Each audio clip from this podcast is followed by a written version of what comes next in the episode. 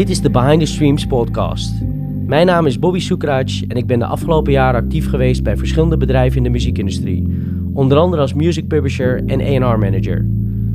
Kort geleden start ik het songwriter en producer management Houston, music publishing bedrijf Houston, en streaming label Streams Can Come True.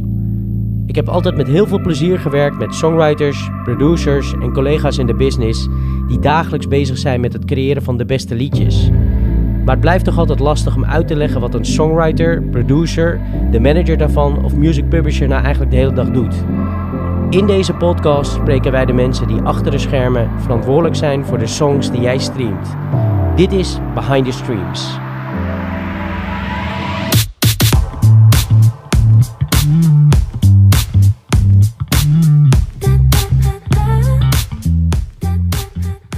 Ja, we zijn begonnen. Uh, Justin Hendrik, 42 jaar. Uh, we zitten in Vlaardingen. Het is een prachtige zonnige dag in maart. En tegenover mij zit de oprichter en eigenaar van Maktub Media. Tevens bestuurslid van uh, de NMUV en bestuurslid van Buma, Buma Cultuur. in de toekomst ongetwijfeld nog meer titels. Hij vertelde me net al uh, over zijn nieuwe plannen, maar ik denk dat, uh, nou, daar gaan jullie ongetwijfeld meer over horen. Ik wil eerst beginnen met uh, iets benoemen. Het is een kleine verontschuldiging, maar ik ga me niet te veel verontschuldigen. Het is echt heel erg lang stil geweest rondom deze podcast. Um, we hadden te maken met corona. Um, gaan we niet te lang over praten. Um, persoonlijk had ik wat, wat tegenslagen. Um, en de verontschuldiging is ook vooral naar Justin, want we hebben een hele podcast opgenomen vlak voor COVID. Ik denk twee jaar geleden, ja, ik weet niet meer wanneer, twee ja, jaar geleden. Meer dan twee jaar met prachtige beelden gefilmd op een kantoor in Amsterdam. Um, en nu doen we het met audio, maar ik heb het gevoel dat, uh, dat, dat, dit, een, dat dit gesprek misschien nog veel gezelliger en leuker en inhoudelijk ook uh, veel beter wordt. Uh, Justin, bedankt voor je tijd alvast. Graag gedaan. Je bent enorm welkom. Dank je dat je ook uh, deze tijd voor mij wil vrijmaken. En weet je, misschien is het ook wel gewoon het begin van een soort traditie. Zo, we hebben het 2,5 jaar geleden gedaan. Vandaag doen we er eentje. Yes. Misschien spreken we elkaar dan over 2,5 jaar weer. Oké, okay, bij deze afgesproken. Ik weet niet Leuk. hoe het gaat met je carrière. Misschien je dan... Ja, uh... ik hoop dat ik dan weer hele mooie dingen te vertellen heb. Ja, ik hoop dat je dan nog tijd hebt voor, uh, voor deze podcast. in deze podcast behandelen we um, de mensen achter de schermen, achter de streams. Wat gebeurt er in die wereld? Jij bent, wat mij betreft, um, daar een hele belangrijke speler in. Um, ik weet nog uh, heel goed dat ik werkte voor uh, CTM Publishing als uh, A&R manager. En in die tijd had ik heel vaak contact met mensen uit de muziekindustrie. En ik kwam in contact met jou en ik dacht... Wie is die guy? Wat een vervelende vent. nee, dat dacht ik helemaal niet. Nee. Ik dacht, wie is die guy? Wat ziet hij er stylish uit? Um, maar hoe werkt dat? Heeft hij een kantoor? Uh, kan jij ons, om te beginnen, um, meenemen naar het begin? Wauw, ja. Waar is het voor jou begonnen? Dat mag ja. alles zijn. Ja, ik denk, weet je, um, als je me echt vraagt, van kun je me meenemen naar het begin? dan moeten we ook, denk ik, echt helemaal naar het begin. Uh, ik denk dat ik, kon er, ik kom er niet onderuit om welke stap dan ook die ik later in mijn leven, in mijn carrière heb gemaakt, dat die echt helemaal terug te herleiden valt aan gewoon hoe ik ben opgegroeid. Uh, ik ben geboren en getogen in Rotterdam. Kijk, je noemde net Vlaardingen, maar laten we even voor de duidelijkheid houden. Ik ben gewoon echt een Rotterdammer. Dat het duidelijk is.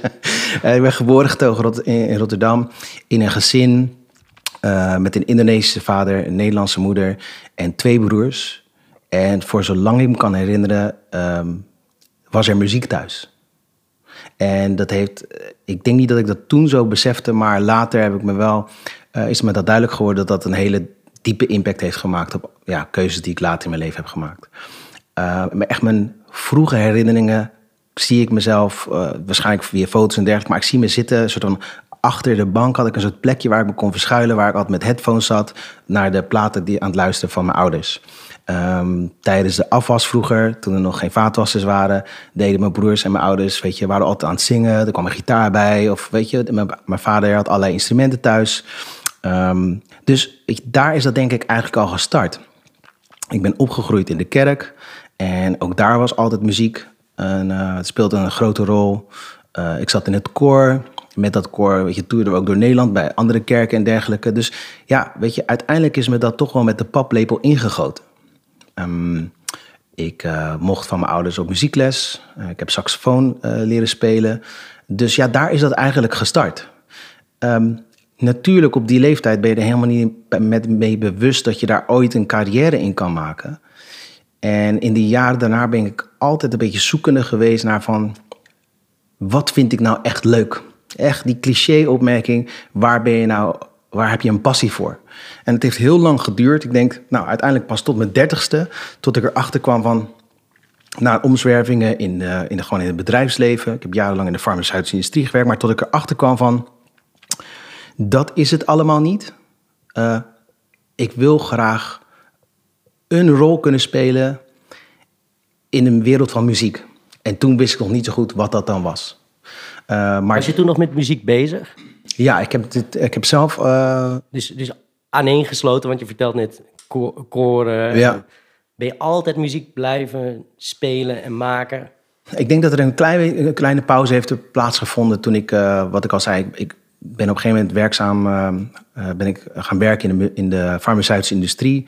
Dat ik gewoon een fulltime baan, weet je, met targets en, en, en cijfers en noem het maar op. Uh, in die fase is, is, muziek echt naar de achtergrond ver, verdwenen. En ik denk dat dat er juist voor heeft gezorgd dat toen het moment bij mij aankwam dat ik dacht, ja, is dit het nou? Ik wil echt iets anders. Toen ben ik ook gewoon een soort lijstje voor mezelf gemaakt. Wat zijn nou dingen die ik super leuk vind in het leven? Waar, waar, waar word ik nou blij van? Daar stond bijvoorbeeld ook motorrijden stond op dat lijstje.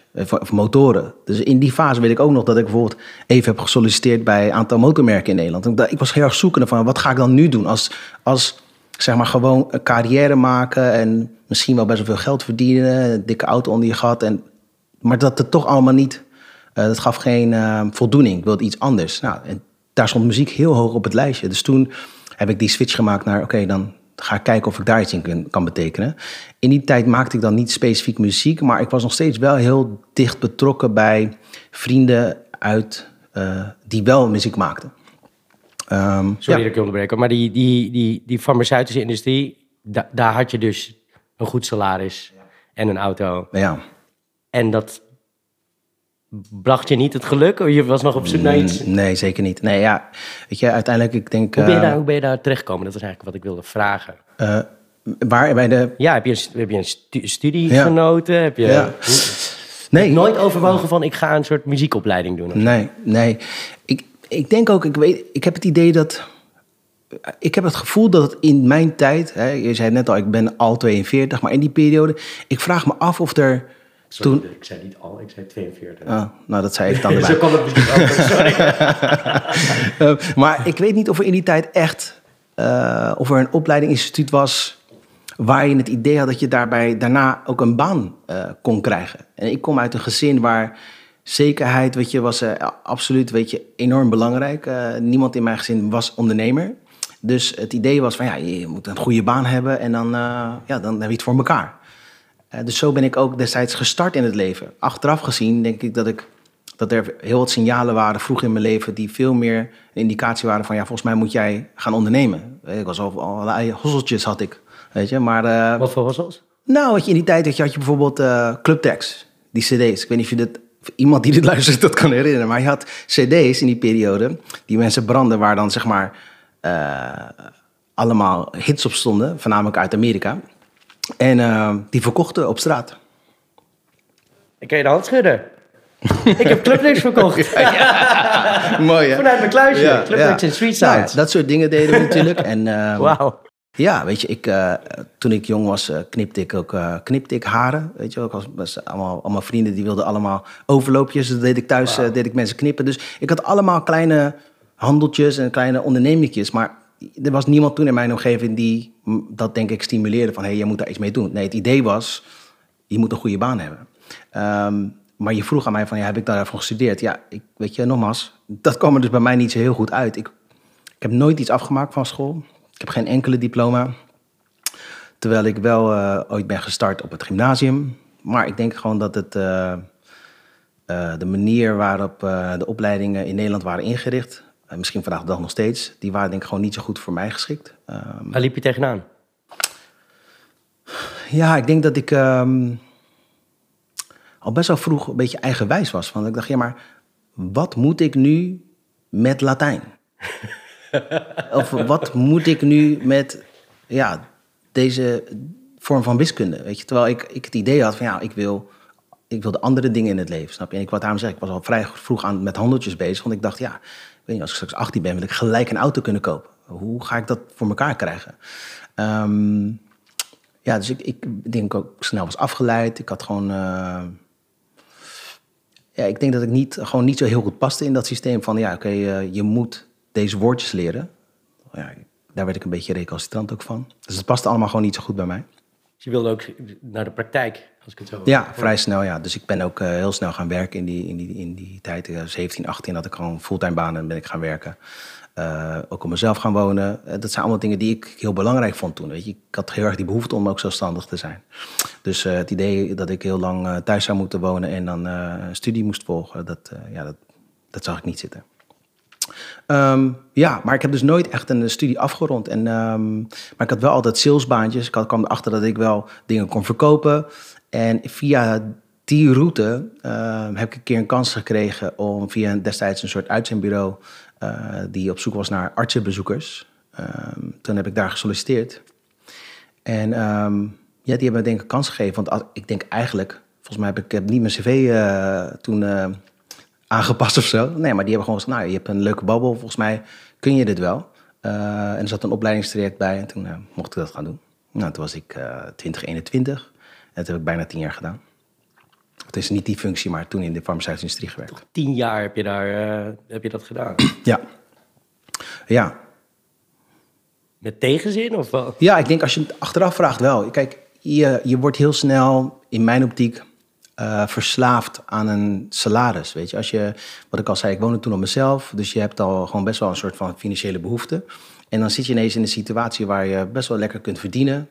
Eh, ik had ook het idee dat dat kwam met een bepaalde mate van aanzien. Want je hebt snel een auto van de zaak. Dus ik vond dat toen, ik dacht, ja, dit is, dit is heel vet. Hè? Je kan nu, je, ja, je bent bezig, maar en je bent eh, aan een carrière aan het bouwen, dacht ik toen. Eh, later kwam ik achter van ja, ik ben een carrière aan het bouwen in een richting waar ik me helemaal niet wil in ontwikkelen. Maar dat heeft wel eventjes geduurd. En dan, dan vergt het wel weer lef om dan te zeggen, nou ik kap ermee. Ik ga iets heel anders doen.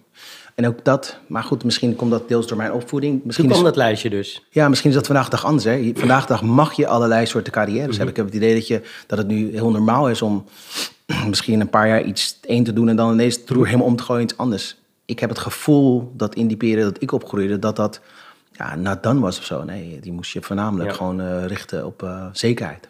En waarom was het, waarom was het lastig? Voor, voor jouzelf om ontslag te nemen? Of naar, naar je omgeving toe? Ja, Naar- ik denk toch dat er. thuis? Ja, ik voelde denk dat er een gedeelte van mijn omgeving ehm, heel erg trots was op hetgene wat ik toen al had opgebouwd. Ik, had, ik maakte daar wel stappen ook in die, in die eh, industrie. Ik had een carrière gebouwd.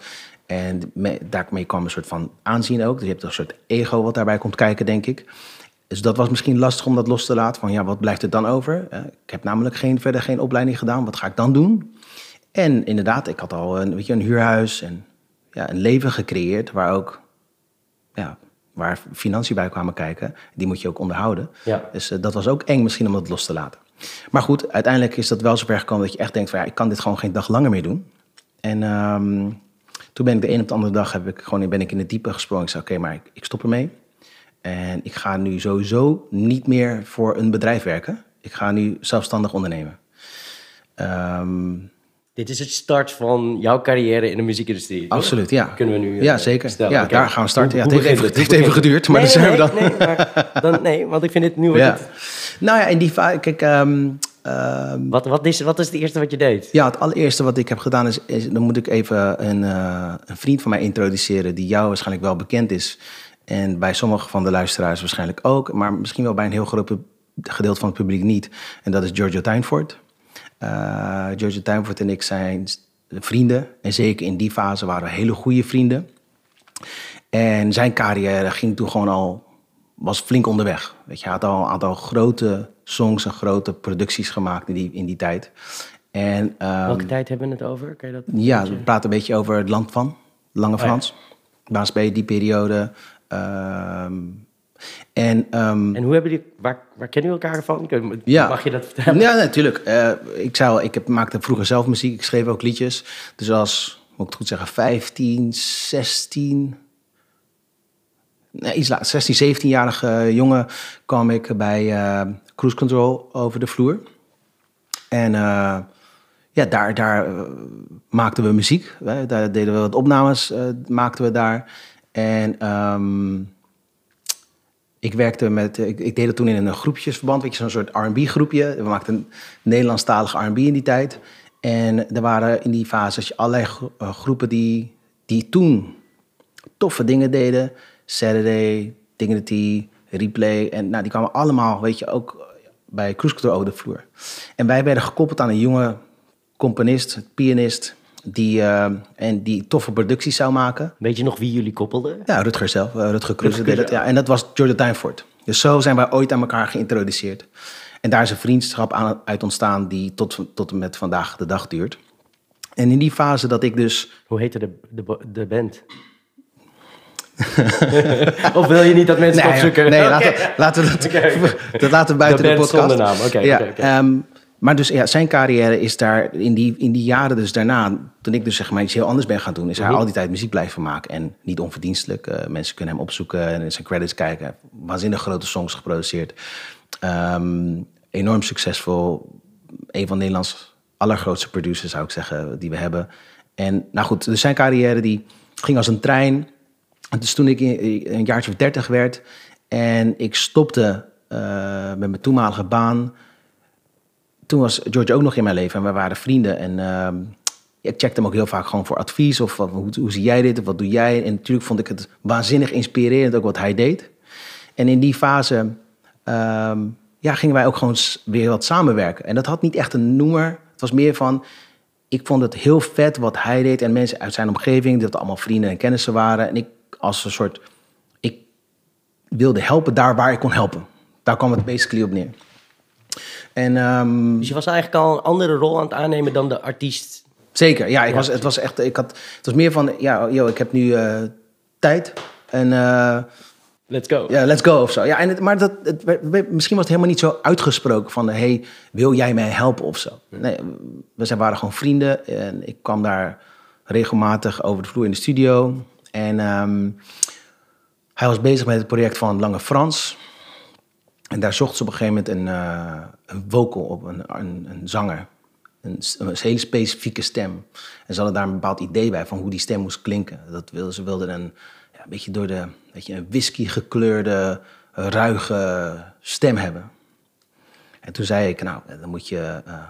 eh, Wauw, zo krijg ik even een kleine blank. Eh, Zo'n lamp, ineens zo'n lampje boven je hoofd. Zo, Ja, die kreeg ik toen. Ik weet wie ik moet hebben. Eh, van de scene... eh, krijg Hoe heet het liedje ook weer? eh, eh, ehm, zing een liedje voor me, Frans. Uh, Telau, jeetje. Ja, we zijn er, we zijn er. We zijn er. Sorry, ik moest ik kreeg even een kleine blank. Ja. Maar eh Telau, ik zeg, dan moet je, te- eruit moet je Telau hebben. Ehm, en Telau, en daarom eh, mo- ik moest eventjes graven, maar eh Telau was een vriend van mij, hij is inmiddels eh, overleden. Ehm, maar een geweldige, eh, zo'n unieke stem. Eh, dus die introductie deed ik. Nou, en die is uiteindelijk ook op de plaat gekomen. Dus toen had ik misschien een hele andere soort rol al gekregen. Ook die besefte ik me toen niet. Maar later ging, heb ik dat wel meegekregen oh ja, ik denk misschien is dat wel onderdeel van mijn talent. Ja, dat ik eh, bepaalde mensen bij elkaar kan brengen. Ehm, die song, Zing voor me, werd gelijk een grote, een grote song. En van het een kwam toen een beetje het ander. Eh, via, in die fase, via eh, Giorgio, ontmoette ik ook de jongens van Furadi. Eh, die- Brahim en Mo. ja, Brahim en Mo. Shout-out naar hen allebei. Toen destijds eh, waren ze nog artiest. Ehm, en eh, bracht zij het nummer Ping uit. Schat, mag ik je ping? Ja, classic. classic. Eh, het was echt een andere fase, maar als, als die song, sowieso al die songs die zij destijds deden, ze hebben natuurlijk laatst nog een soort van remake gemaakt van een van hun songs, maar als die muziek vandaag de dag zou zijn gebeurd, waren dat allemaal hits geweest. Eh, ze waren echt hun tijd ver vooruit qua, eh, qua sounds en, eh, en producties. Anyways, ik ging met hen werken en toen werd het eigenlijk de eerste keer dat dat een beetje in de rol was van een managementrol. Ehm, zij vroeg aan mij van ja, wil jij niet ons management doen? Waarom ze dat hebben gevraagd aan mij, dat moet je eigenlijk een keertje in een podcast aan hen vragen. Want dat, dat moet ik ze eigenlijk ook nog een keertje vragen van ja, waarom eigenlijk? Ik had helemaal geen track record. Eh, ik had helemaal niet, niet veel ervaring in de industrie. Sterker nog, ik kende van helemaal niemand of zo, weet je. Het is, Giorgio is een van mijn goede vrienden. En daar in Cruise Control ken ik wat mensen uit die fase. Hè. Daar, daar hingen allerlei mensen rond. Maar ik kende niemand uit de muziekindustrie of zo. Eh, maar toch ben ik dat toen gaan doen. En in die rol eh, ja, ben ik toen over de vloer... Ben, ja, heb ik afspraken gemaakt met mensen die dan... eh, ja, Dus jij nam de klus aan. Jij, Ja. jij werd de manager van ja, zeker. de Ferraris. Ja, weet je, in die fase, kijk, ik, nogmaals, ik, was, ik had een keuze gemaakt van, nou, ik ga echt iets anders doen. Dit leek super tof. Het had toen nog allemaal geen noemer. Het mocht ook allemaal nog niet echt iets zijn. Maar langzaam ging zich dat uitkristalliseren van, oh ja, misschien is er wel een toekomst in de muziekindustrie. Ehm, maar ik had dat zelf nog niet zo echt een stempel gegeven van, oh, ik, ik, denk ook niet dat ik toen al had, er was nog geen bedrijf toen. Het was meer, nogmaals, ik gewoon met mijn enthousiasme van... ik vind dit super vet om te doen. Ik ken deze mensen allemaal een beetje. Het Zijn allemaal, daar kan ik me mee spiegelen. Identificeer het. Ik, dit zijn vrienden van me of Ja. kennissen. Voelde En- het natuurlijk? En als, het- ja, heel was erg. het makkelijk? Of, eh, Ja, het was eigenlijk best wel makkelijk. ja. Nee, ik vond het toen wel makkelijk, want dit stuk was het makkelijkste. Ehm, het moeilijkere, of het- de uitdaging zat er meer in van dat ik ja, toen voor het eerst met een publisher moest gaan praten over een publishingcontract. Hè, want eh, in, in die fase hadden bijvoorbeeld uh, Mo en Briem hadden een publishingcontract. Nou, en daar vonden we iets van. Dus toen moest ik met iemand daarover gaan praten. nou, ik, voel al, ik voel al een beetje waar het heen gaat. nee, maar dat was e- alleen maar heel interessant. Weet je? Dus toen, ja, toen moest ik eh, in dit geval uit een gesprek met Niels Walbomus. En ja, dat en was... Furadi en Lange Frans en Baas B zaten ook allemaal, allemaal bij Ja. Niels, hè? Ja, klopt. Walbomers. Ja, ik denk dat dat toeval is. Nou, niet in die zin niet toeval. Ik bedoel, Niels was heel goed bezig in die fase. En had goed oor en oog voor talent. Dus het was niet raar dat die mensen bij hem misschien zaten. Maar het was niet specifiek dat, eh, ja, dat, dat, dat ik daarmee bezig was. Het was meer van, oh ja, Fouradi eh, was in een bepaalde fase van hun leven. En ze hadden misschien wilden andere keuzes gaan maken. En een daarvan was dat we vraagtekens hadden bij een publishingcontract. Even voor, sorry hè, dat ik je onderbreek, maar even voor die jonge luisteraar. Ja. De- ik weet niet of ze er zijn, maar voor de jonge luisteraar. Het, we hebben het wel over een tijdperk waarin ehm, social media is Nee, non-existent. non-existent. Nee. Of is het hype? Hypes, ja. Hypes. Dus is er iets van een... Is er een manier... Hoe ontmoet, ontmoet, ontmoet jij de Ferraris en hoe ontmoet jij deze mensen? Dat, dat ging echt letterlijk alleen maar gewoon uit het netwerk. Dus eh, Mond op ik, daarom noem ik Giorgio. Ik heb veel aan hem te danken in dit, in, in dit ehm, eh, in dat opzicht. Giorgio en ik zijn in de basis gewoon bevriend, weet je. We hebben nooit echt een zakelijke relatie gehad, maar via hem en het netwerk wat daar omheen hing en, de jaren die ik met hem heb gespendeerd in Amsterdam en de muzikanten en andere artiesten die ik daarin heb ontmoet, ja, daar bouw je je basis mee op van een netwerk. Nou, en daar zaten dan de jongens van Furadi ook in. Ehm, dus zo is dat gestart. Ja. Maar nee, dit, ik, ik heb op geen andere manier eh, weten te netwerken dan gewoon face-to-face, eh, via via, mond-op-mond. Wat goed. Dus sorry, er was even een kleine sidestep of een, eh, een beetje context. Dus jij, jij bent nu de manager voor de Ferrari. Jij krijgt met Niels te maken Ja. en jij gaat een publishingcontract onderhandelen of heronderhandelen. Ja, kijk, het, ik moet Wat daar wist je van Nou, dat contract? of dit is, dit is, ja, dat is natuurlijk, kijk, dat heb ik net al eerlijk durven toe te geven. Kijk, ik stapte met alle positieve energie en met heel veel zin eh, een nieuw avontuur in. Waar ik toen nog niet zo goed wist van wat is dat dan eigenlijk. Het, het is echt allemaal best wel pril in deze fase nog. Kort hierna, weet je, wordt het echt een bedrijf en ga ik starten. Maar ik had, het was ook wel gebaseerd op veel lef en gewoon bravoure en gewoon Weet je, wat dat betreft eh, vind ik altijd die quote van Pippi Langkous wel geinig. Zo van, ik heb het nog nooit gedaan, dus ik denk dat ik het wel kan. En ik denk dat Shout-out dat... Shout-out, nee, maar de grote wijsheid wat dat betreft. Want ik denk dat het heel erg geldt voor heel veel keuzes in mijn leven. Heel vaak denk ik van, nou ja, ja, het is geen eh, rocket science. Het is niet dat ik eh, op hersenen moet gaan eh, opereren. Volgens mij kan ik dit gewoon wel. Weet je, het is gewoon een beetje gezond verstand. En veel dingen kun je leren along the way. En natuurlijk, zeker in die fase had ik wel zo'n gevoel van: oké, ik moet wel even nu bijspringen. Ik moet snel up-to-date komen van wat houdt de muziekindustrie in? Ehm, wat staat er eigenlijk in zo'n contract? Ja, en dan, dan moet je jezelf daar een beetje in gaan on- onderleggen. Ik moest daar wel onderzoek naar doen. En in dat gesprek met Nieuws, ja, ik, weet je, uiteindelijk denk ik... Wat was het gesprek? Weet je dat nog? ja, het was volgens mij heel leuk. In, voor mijn gevoel was dat een heel leuk gesprek. Eh, ik denk dat hij ook dat is. Ik zou zeker, eh, als je hem een keer spreekt, ook, moet je hem vragen hoe hij dat heeft ervaren toen. Ik denk dat hij dacht, nou, eh, grappig ventje of zo. wat komt hij nou doen of zo? Geinig.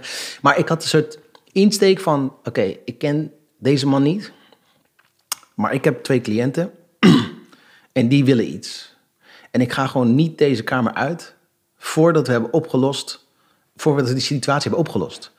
En eh, dat is uiteindelijk ook gelukt op een hele, denk ik, hele redelijke en respectvolle manier. We daar afspraken over kunnen maken toen. Dus voor mij is dat een, een resultaat geweest, wat, wat was een kwestie van een beetje, geven en nemen.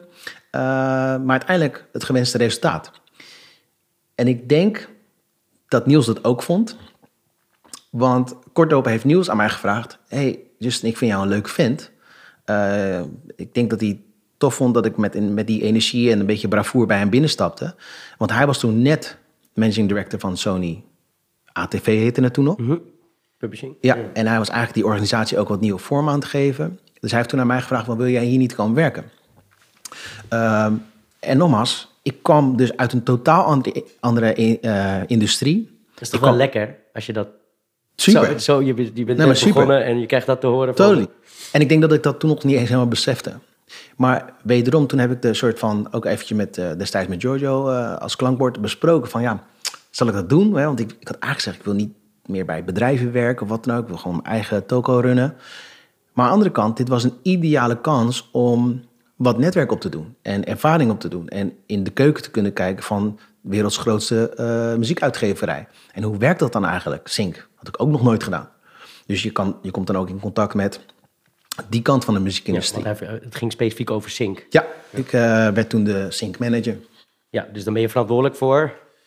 Ja, eh, uiteindelijk uitgevers proberen natuurlijk intellectual property of liedjes eh, te exploiteren. En een van de manieren om dat te doen is om liedjes te plaatsen onder films, reclames, eh, dat soort uitingen. Dus waar het niet specifiek gaat over het koppelen aan een artiest die op de radio is, maar meer aan een merkuiting. Eh, zoals je dat bijvoorbeeld ziet als jij kijkt naar een reclame van, ik wil, eh, van een theemerk en je hoort daar een liedje wat je kent, dan, dan is dat een sync. Die twee dingen bij elkaar te brengen. Ehm, dus dat ben ik toen daar gaan doen. Dus toen, ja, toen was ik ineens wel gearriveerd in de muziekindustrie. Dus deed ik enerzijds, want dat mocht ik toen blijven doen, deed nog steeds het management van Furadi. En ik werkte als sync manager bij Sony ATV. Nou, daar, eh, Klinkt. Volgens mij waren we daar bij jouw vraag ongeveer gestart, gestart van hoe ben je hier nou terechtgekomen? Ja, en waar, waar begon... Ja. Waar is dat een beetje Ja, waar is begonnen, ja. Ja. Voor je gevoel begint daar jouw... Daar begint dan uiteindelijk zeg maar muziek. Ja, ja, een Ja. carrière in, muziek, in de Nederlandse muziekindustrie. Ja. Nou, ik vind eigenlijk wel... eh, ik vind deze route wel lekker, dus... Ja, en wat, wat, waar, waar, wat gebeurde er toen? toen? Toen had je die functie en je had nog nooit sync gedaan. nee, klopt. En ik heb daar Heb je nog een beetje syncs gescoord? Wel wat. Ehm, maar ik denk eerlijkheidshalve gelijk toe te geven dat dat niet mijn plek was.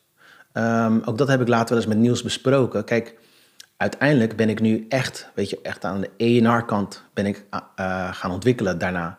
En Sync was denk ik toch niet helemaal mijn plek. Dus ik kwam daar niet helemaal goed tot me, tot mijn recht. En dat hebben Niels en ik daarna ook besproken. Dus ik heb daar eigenlijk nog maar relatief kort gewerkt. Omdat we allebei elkaar wel hebben aangekeken. Wederom heel respectvol en van, nou, volgens mij was dit toch niet de beste, beste optie. Misschien is het eigenlijk juist goed geweest, want dat heeft me gedwongen om daarna te denken: oké, als dit het dan niet is, wat is het dan wel? Ehm, in die fase is het ook het management heeft, eh, is eh, wat meer gaan ontwikkelen. Ik deed toen ook het management van Gers Pardoel en het management van Damaru. Of Damaru. Lekker, lekker roster. Ehm, en eigenlijk aan, aan daar, kort daar achteraan kwamen ook al Vice en Ricardo Burgerust eigenlijk. Dat zat, dus dat was toen een soort van... Dat waren de mensen met wie ik werkte. Ehm, Had dit al een naam? Je, manage, je management company? Nee, niet echt. Oh, Niet Justin. echt. Ja. Ja. ja. Eh, dus ja, dus met die jongens eh, waren we toen aan de slag. En kijk, dit is in de tijd dat Gers... En die deed je allemaal alleen? Ja, deed ik helemaal alleen. Dit was echt vlak voordat Gers ook echt groot zou doorbreken, weet je. Dat is eh broodje bakpauwtijd, zeg maar. Eh, voordat hij, ik neem je mee, een eh, bagagedraag had. En je hoort al, al deze, al deze namen, die waren ook close verbonden met bijvoorbeeld iemand als Kees de Koning en Topnotch. Dus het, in die fase heb ik ook al dat soort partijen leren kennen. Eh, dit waren echt allemaal early days. Ehm, eh, en in die rol, waar ik er ook veel met Kees te maken kreeg, heeft Kees me ook echt een keer een springplank gegeven. Ehm, Voordat we dat... ehm, sorry hoor, maar wat, wat, wat was eigenlijk de... Wat deed je dan vooral voor die artiesten in die tijd? Ja, ehm, dat was zo divers. Eh, het had deels te maken... Ik deed ook gewoon een gedeelte de boekingen. Eh, ja, we hadden geen boekingskantoor, dus dat deden we gewoon zelf. Eh, we deden nadenken over met wie eh, gaan we dan die muziek maken. Dus het was introducties maken met andere producers die ik dan kende. Of andere songwriters. Ehm, we dachten na wel over ja, wat we dan nu zouden noemen marketing en promotie. Maar ja, zo heette dat voor ons toen niet. Ehm, ja, dat soort dingen, deed- dat, dat, dat was eigenlijk helemaal in de breedte. Ehm, ik keek, Vond je eigenlijk, voelde je comfortabel met al die eh, activiteiten? Had je bij alles zoiets van, oké, dit is wel wat ik vond wat toen alles gewoon heel vet om te doen. Het was, alles was spannend. Trouwens, weet je, deed toen ook video. We deden heel vaak de videoclips, deden we zelf produceren. Ehm, je, bent- je bent dan als manager ben je echt bij alles, alle facetten van zo'n artiest ben je betrokken. Eh, want dat gaat vanaf als het ware vanuit de styling tot aan de fotografie, eh, tot aan de website. Eh, ja, weet je, een nieuwe website bouwen. Dus ik was daarbij, op alle vlakken was ik daarbij betrokken. Ehm, en ik moet ook zeggen, je leert, aldoende leert men. Weet je, al, al die mensen met wie ik, waar, je nu, waar ik nu over spreek. Ik heb bijvoorbeeld ook enorm juist veel geleerd van Mo en Barim. Weet je, zij hadden toen al zo'n enorme drive en een enorme, ook een soort gevoel voor ondernemerschap. Ja. En eh, gevoel voor trends en ontwikkelingen. In die, als je het hebt over Ping, weet je, dat, is natuurlijk, dat was zo'n cruciale song. Blackberries toen, dat was een soort cultural phenomenon, weet je. Dus het feit dat zij een song daarover maakten. Ik weet nog dat we toen als eh, marketinginstrument, wat we hadden bedacht, je kon dan een QR-code kon je scannen en dan had je iemands, ja, oké, het wordt heel technisch van vroeger, maar dan had je iemands ping, dan kon je met elkaar pinnen, Ja. dan kon je elkaars QR-codes scannen. Dus, dan moet je nagaan hoe lang die QR-code al meedraait. Maar goed, ehm, wat wij toen hadden gedaan, we hadden eh, een t-shirt kon je bij ons bestellen op de website. Waarbij jij jouw QR-code van jouw BlackBerry op die, dat t-shirt kon laten printen. En dan zeg je- stond daarboven dan, schat, dat is je ping bijvoorbeeld. Of mag ik je ping? Dus dan kon iemand anders, als jij in de club was, kon ik jou op jouw t-shirt met mijn BlackBerry jouw QR-code scannen. En dan hadden, waren we connected. Genius. Weet je, dus het was, dat was toen was dat iets, iets nieuws, weet je wel. En het was, eh, dat, eh, dat, uiteindelijk was dat al een stukje merchandise natuurlijk. En eh, daarmee kon ik op een andere manier met de doelgroep ook communiceren. Kon ik iets anders verkopen dan alleen maar de muziek. Eh, dus ja, dat soort, dat soort initiatieven deden we. Ja, ik denk dat dat, eh, ik, als ik ook iets vanuit mijn kant ehm, mag toevoegen.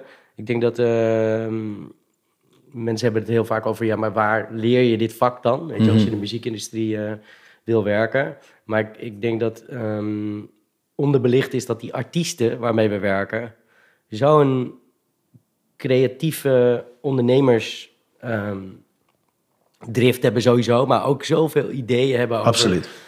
Waarbij, ehm, eh, als je goed luistert en gewoon goed oplet, ehm, we misschien voorheen iets meer aan het vertellen waren van nou, zo werkt het misschien niet in de muziekindustrie. En zeker tegenwoordig je gewoon kan zien dat ze juist lijnen uitzetten. Dus ik denk dat je juist, Ja, en het juist heel veel leren van de artiesten. Absoluut, ik heb dat zeker, eh, zeker meegekregen op die manier. Weet je, dat ik in die tijd, ik was leergierig. Weet je, je stond helemaal open qua energie van oké, wat kan ik hiervan oppakken? Wat kan ik hiermee doen? Ja. En wat voor ervaring heb ik dan opgedaan? Nou, ik had dus wel veel sales achtergrond, dus ik was wel constant bezig van oké, hoe kunnen we hoe kunnen we dit in de markt zetten? Weet je? Hoe kan ik meer boekingen voor jou krijgen? Hoe, waar, hoe kunnen we nog meer op een of andere manier iets verdienen dan bijvoorbeeld alleen maar de live shows? In die fase, streaming was er nog niet. Hè? Dus eh, het was YouTube, maar daar verdien je eigenlijk niks aan. Dus ja, hoe gaan we dan toch een, iets van een carrière bouwen? Ehm, Was het ook was het echt een samenwerking met die artiesten waar je het net over had? Want soms heb ik het idee dat met name aspiring artists het idee hebben dat een manager, dat er een soort hiërarchie is. Weet je. Nou, dat, dat was er bij ons echt niet. Nee, ik, het ligt natuurlijk aan, ook per, per individu. Eh Damaru is een heel ander mens dan dat eh Brahim is. Hè, dus het, dat verschilt. Eh, maar zeker met, eh, met die jongens van het eerste uur was het heel erg een samenwerking. Nee, er was helemaal geen hiërarchie. Nee, totaal niet. Ehm, Maar ja, toen kwam je dus eh, in het vizier van, van Kees. Ja, van Kees. En ehm, ehm, een van de dingen waar, waar, waar Kees, denk ik, toen destijds tegenaan liep... of waar hij heel erg behoefte aan had... was een proberen een brug te slaan tussen het misschien toen wat meer traditionele Universal publishing... en het heel erg vooruitstrevende roster van Topnotch... wat qua publishing ook bij Universal zat. Eh, dus er was de behoefte van, ja, weet je, als we iemand hebben als Gers Pardoel... die op dat moment de allergrootste hit had in Nederland... Ehm, waarom werken die toen, dus misschien vandaag de dag gebeurt het veel meer, maar werken die helemaal niet samen met de toen gevestigde orde? En hoe kan het dat eh, die jongens als de, de jeugd van tegenwoordig, of de Opposites, of Glenn Faria, en waarom schrijven die geen songs voor de wat meer gevestigde orde? Die zitten onder één huis. Ehm, dus Kees heeft toen mij voorgesteld aan eh, Mark Bremer, eh, de directeur van Universal Publishing, van hey, is Justin geen goede guy om op creatief niveau daar eens over mee te denken? Ehm, dus toen heb ik eh, voor ook een bepaalde tijd als een soort interim creative manager bij Universal Publishing gewerkt. En juist dus met als doelstelling een brug te slaan tussen Topnotch en Universal Publishing. Ehm, en daar heb ik dus ook voor het eerst kunnen snuffelen aan wat dan de creatieve kant van publishing was. Ja, meer, dus eerst was het sync en toen werd het meer creative. Mag ik even voor alle jonge muziekprofessionals. Ehm, was bijvoorbeeld de vergoeding die je ervoor kreeg, moest je, was dat voor je gevoel lekker? Of was, moest je inleveren of moest je investeren? Nee, dat, voor mijn gevoel was dat de eerste keer toen in die fase van dat ik eh, zelfstandig was geworden. Want ik mocht toen, ik deed dat, daarom noem ik het even als een soort interim. Ik was niet in dienst bij Universal Publishing. Ik mocht dan gewoon een factuurtje sturen. Eh, vanuit mijn eigen ehm, bedrijf zei Universal, oké, kun jij voor een bepaalde periode, mogen we jou inhuren als een creative eh, om dit voor ons te doen.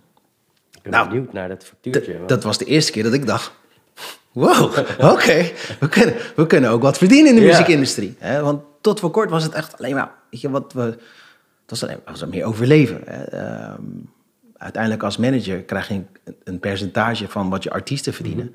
En dat was op dat moment eh, nog niet, ehm, nog niet zo flitsend. Ja, Dus dat feit dat je dan maandelijks mag factureren, dat geeft je dan wel gelijk wat meer eh, rust. Het gaf me ook zelfvertrouwen en zoiets van, oké, weet je, ik word op waarde ingeschat. Ehm, ja, dus dat was wel nice. nice. Wat En- ging je doen? Nou, een van de eerste dingen die ik daar deed was, ehm, wat vandaag de dag misschien heel normaal is, maar ik denk dat dat toen in die tijd was het best wel een uniek ding. Ik organiseerde een riding camp. Eh, een groot riding camp. Een meerdaags riding camp. Toen in de Wisseloord. Waarbij ik eigenlijk zei van oké, als we al die grote super, crea- super creatieve eh, artiesten hebben van topnotch die hele toffe dingen maken, maar toen nog niet zo zichtbaar waren. Het is misschien nu ondenkbaar, maar hip-hop, wat je zou zeggen urban, was toen echt een underground stroming nog. Het was nog niet zo mainstream als het vandaag de dag is. Er waren een aantal grote acts, ehm, ik noemde ze net al, de Opposites of de Jeugd en ehm, Winnen natuurlijk ook al in die tijd. Sef kwam, weet je wel, op en nou, Gers was toen echt net, weet je wel, die begon net groot te worden. Maar de grootste artiest die Universal had was destijds Marco Borsato. Ehm, dus ik had toen als challenge gedaan van oké, maar oké, jullie willen graag songs schrijven voor pop Nederlandse popartiesten. Hier heb ik de grootste artiest die er is. Oké, laten we dan songs voor hem schrijven. Nou, Marco heeft één main collaborator, dat is John Eubank.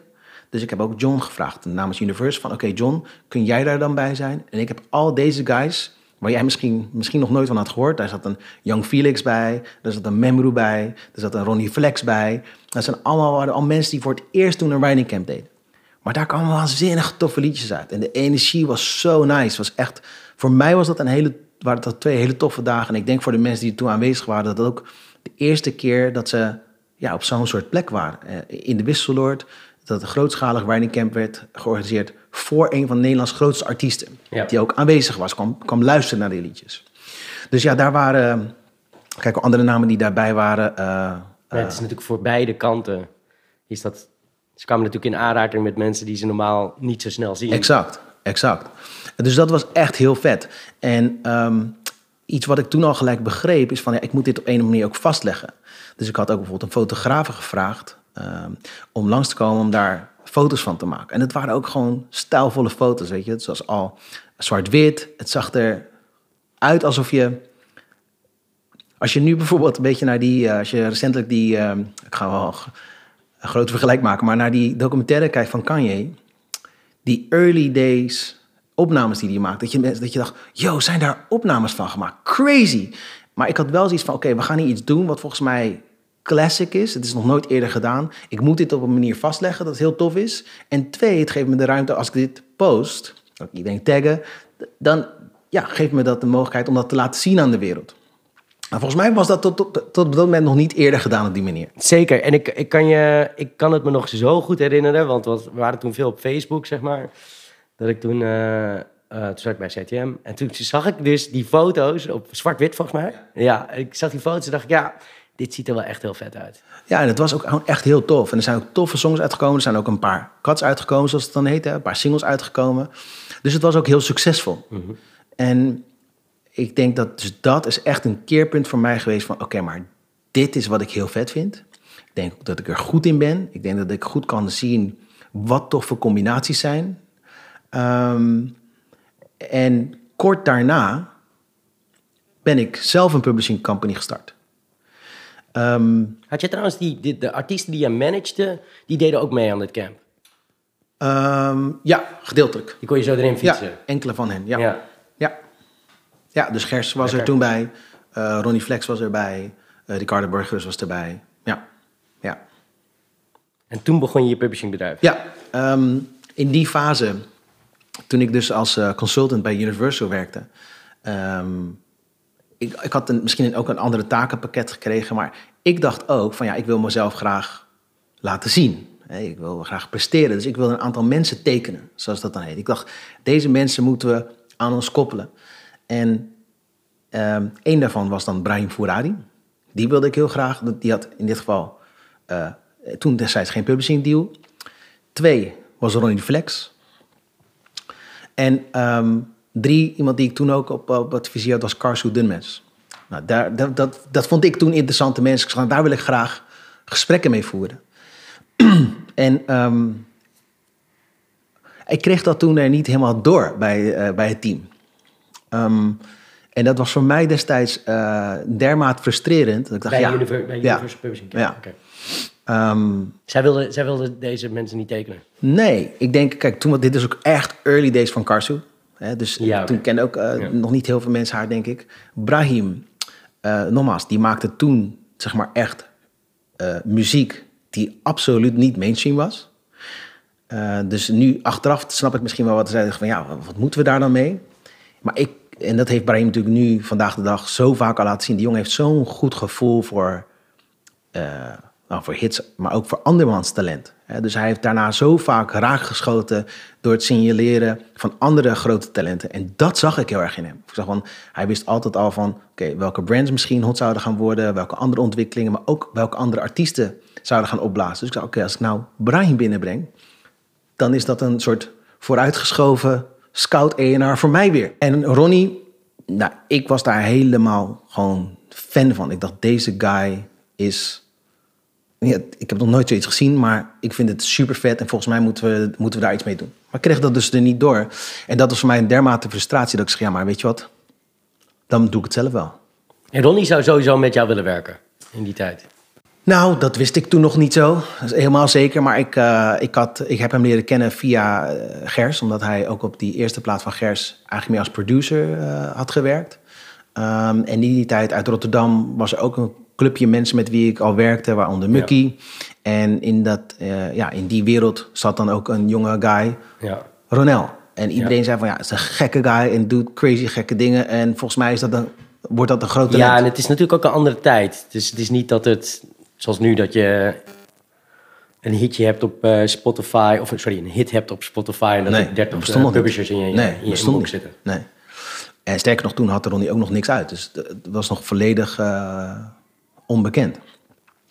Maar ehm, ja, dus toen ben ik een eigen publishing company gestart. En ja, een van dus de allereerste signings die ik toen ooit ehm, aan mij heb weten te binden, is dus Ronnie Flex. En zeker, nou, de fase die daarna is, eh, met, wat er met hem is gebeurd, is natuurlijk ook crazy. En het was ook een, is nu nog steeds een groot talent.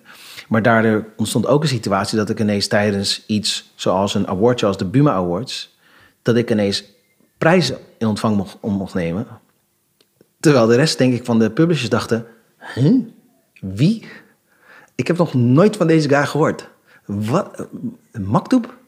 Wat? Dus dat, was heel, dat vond ik toen natuurlijk heel vet. Want je kwam als een totale underdog, out of nowhere, uit Rotterdam-Zuid. Lekker. Zomaar een guy eh, is ineens publisher en krijgt allemaal Buma Awards. Wel lekker, toch? Dat was heel lekker, ja. Dus ehm, Hoe heb je die deal gemaakt eigenlijk? Heb je gewoon van internet gedownload? Nou, ik, ik, ik noemde hem net al, weet je. ehm, in, die, in die fase eh, werkte ik ook regelmatig, of ik had veel contact met, eh, met Kees. Eh, ook heb ik veel, denk ik, te danken aan Kees de Koning. Hij heeft veel deuren voor mij geopend en introducties gemaakt. En in die fase ehm, sprak ik met Ronnie en ik vroeg aan Ronnie van... oké, maar wat zou jij dan... Wat is jouw droom nu? Weet je, wat zou jij het allerliefst willen? En hij gaf toen als antwoord, nou, ik wil eigenlijk, toen destijds, ik wil wat Gers heeft. En Gers was de number one guy op dat moment. En ehm, dus ik zei, oké, maar dan moeten we met Kees gaan praten. Eh, ja, dan, laten we dan met hem gaan praten. En Kees, eh, die was ook onder de indruk, denk ik, van Ronnie. En ik denk dat hij ook zoiets had van, oké, ik vind die Justin ook wel een eh, interessante gast. Laten we dit avontuur maar samen aangaan. Dus, ook, dus Kees heeft me toen destijds geholpen met die eerste, met die eerste contract. Met het eerste contract. Hij heeft jou geholpen met jouw contract maken Ja. met, Ja. met eh, Ronnie. Ja, ja. Dat is wel echt heel aardig.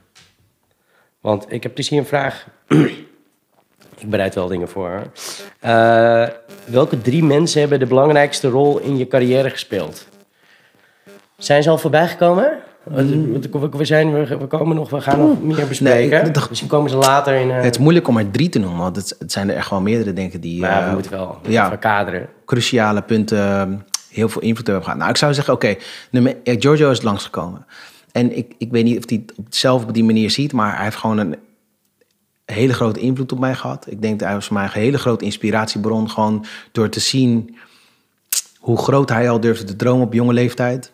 Met wat voor soort energie hij op, eh, op uitdagingen durfde af te stappen, weet je, met een soort van zelfvertrouwen van... ehm, ik ga jouw volgende plaat produceren, is dat idee. Ehm, niet voor mij, maar voor grote artiesten. Durf, dat, zo'n mentaliteit had hij. en Dat vond ik crazy inspirerend. Eh, plus, ehm, ja, we hebben gewoon jarenlang eh, gesprekken gevoerd... en ik heb gewoon enorm veel van hem geleerd.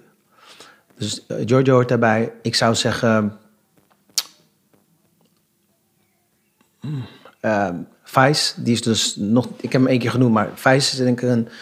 Vice, cruciaal ja. geweest, omdat onze carrière allebei enorm een soort eh, eh, een enorme vlucht hebben genomen. En ik denk dat die, die, beide, eh, die beide trajecten hebben elkaar enorm versterkt.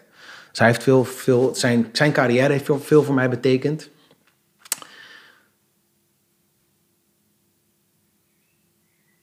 Drie vind ik heel moeilijk om te noemen. Misschien, komen, misschien komt hij nog. Ja, Of zij of hij.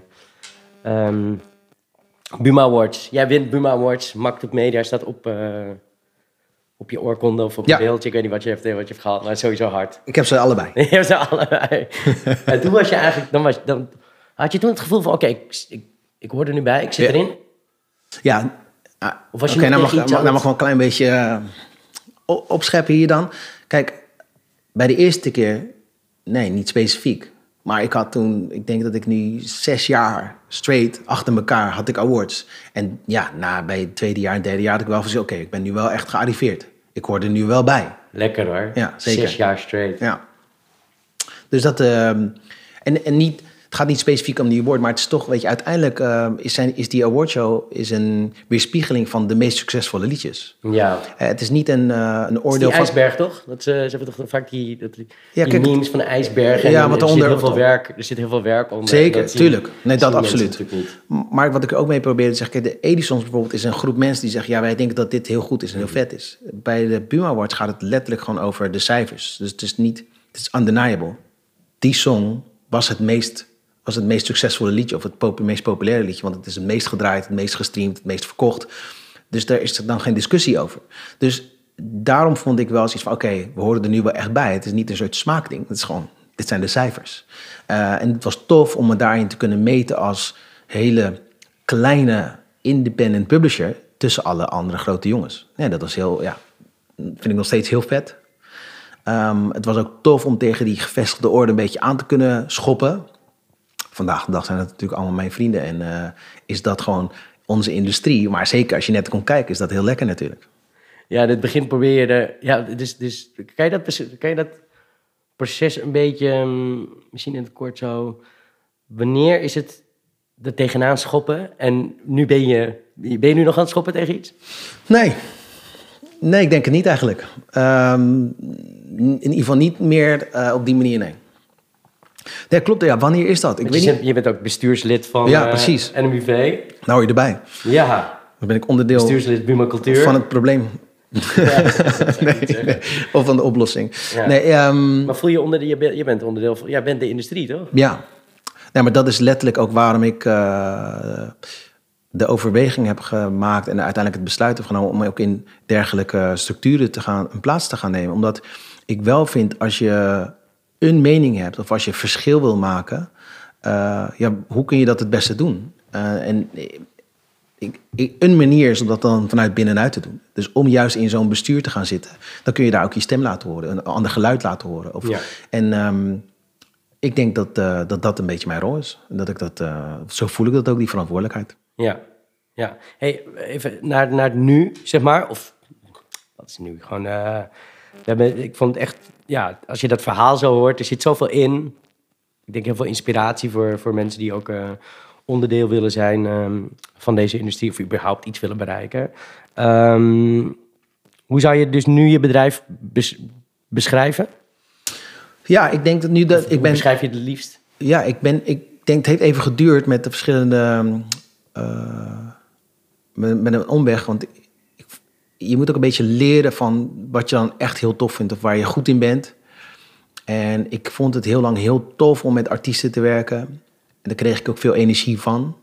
Maar op een gegeven moment kwam ik er ook achter dat in het landschap waar ik mee begaf en in de markt waar we in zitten in Nederland, dat het zit ook wel een plafond aan. En het heeft ook gewoon met budgetten te maken. En ik vond het moeilijk dat, er, dat je heel veel dingen als manager moet doen, die, waar je niet misschien per definitie eh, een expert in bent of waar je heel eh, ontwikkeld in bent. Dus ik had heel de tijd een beetje het gevoel dat ik aan het underachieven ben. Ik kan niet en een goede boekhouder en een stylist zijn en een ENR zijn en eh, je boekingen verzorgen en half psycholoog zijn, alles tegelijkertijd en heel goed doen. Ehm, dus dat ging me een beetje tegenstaan. Ehm, dus, en uiteindelijk had ik het idee dat ik beter was eh, in het nadenken over of het ontwikkelen van Waar ben je echt, songwriters. waar ben je echt heel goed in? Ja, ik, als ik de, mezelf. ehm, ik denk dat ik heel goed ben in het herkennen en erkennen van andermans talent. En dat dan specifiek, in dit geval, over songwriters en producers. Ehm, en dat ik vrij vroeg zie of iemand één over talent beschikt, maar ook over de benodigde werkethiek. Eh, of iemand een eh, dik genoeg huid heeft om teleurstellingen eh, te doorstaan. En iemand dan te helpen eh, hem of haar in, haar, in zijn, zijn of haar kracht te zetten. En echt kunnen floreren. ehm, om dat talent te ontwikkelen tot een plek waarbij je er een carrière van kunt maken. Ik denk dat het ongeveer is. Ja, dat, is, eh, dat, klinkt- dat klinkt goed. En, en eh, dit is een beetje, heb je een soort checklist of een soort... Als jij een gesprek hebt met iemand, is er iets waardoor je Ja. aangaat, zeg maar? Nou ja, dat, ik, ik noemde het net al kort even. Talent is echt first and foremost. Maar werkethiek is denk ik net zo, net zo belangrijk. Dus of iemand... Talent is breed natuurlijk. Zijn er ook dingen waarvan je denkt: oké, ik vind dit zo, ik vind zo iemand echt heel goed, maar ik, ik doe dit niet, of dit is niet wat ik doe. Ehm, nee, eigenlijk niet. Want ehm, ik hou heel erg van authenticiteit. Weet je, als iemand iets maakt wat ik helemaal niet begrijp, of, eh, maar ik wel zie van hoe bijzonder het is. En ik voel dat er een soort eh, ja, authenticiteit zit en een passie en een drive in zit. En ik, ik denk dat ik daar wel op, op kan aangaan. Het is moeilijk om dat precies eh, te vatten in iets, maar het is een, is een gevoel. Het is niet genregebonden. Nee, het is niet genregebonden. Kijk, als er echt een hele obscure jazz is of zo, wat je, die ik niet begrijp, dan misschien haak ik af. Of hele heftige death metal, dan is het misschien ook niet voor mij. En ook vind ik, als het echt techno bijvoorbeeld, wanneer, waar, dat vind ik ook een beetje moeilijk. Omdat ik zelf heel erg eh, hou van eh, wat meer, zou ik zeggen, organische geluiden en akkoordenschema's en melodieën. Zeker als dat, en dat, gaat dan neigt dan iets meer naar popmuziek. Dus dat is Ja. wel weer mijn Het specialiteit. is inhoudelijk. Maak je een soort rekensom, doe je een soort calculatie. Van, ga ik hier geld aan verdienen? Nee. Nee. Wat dat betreft is misschien... eh, ik zeg heel dat ik heel goed ben in sales... maar dat is hier misschien dan iets minder eh, van toepassing. Ik ga hier heel erg aan op een soort gut feeling... en op ervaring... waarbij ik al zo vaak heb, wel heb gezien... welke soort van ingrediënten leiden tot mogelijk succes. En die leer je wel door de jaren herkennen. Ja, een soort indicators. Ja. Eh, is, ik on- onderbrak je, maar dat is niet erg, want we, dit was ook heel eh, tof om even te benoemen. Maar, ehm, dus je bent op een feestje, je, je maakt het heel vaak mee. Ik, denk, ik weet niet of je vaak op een feestje bent, maar je bent op een verjaardag of zo. En iemand loopt naar je toe die zegt, oh, eh, wat? Ja, pubbisje. En dan zeg ik, wat doe jij? ja, ja. Hoe, hoe, hoe zeg jij dat dan?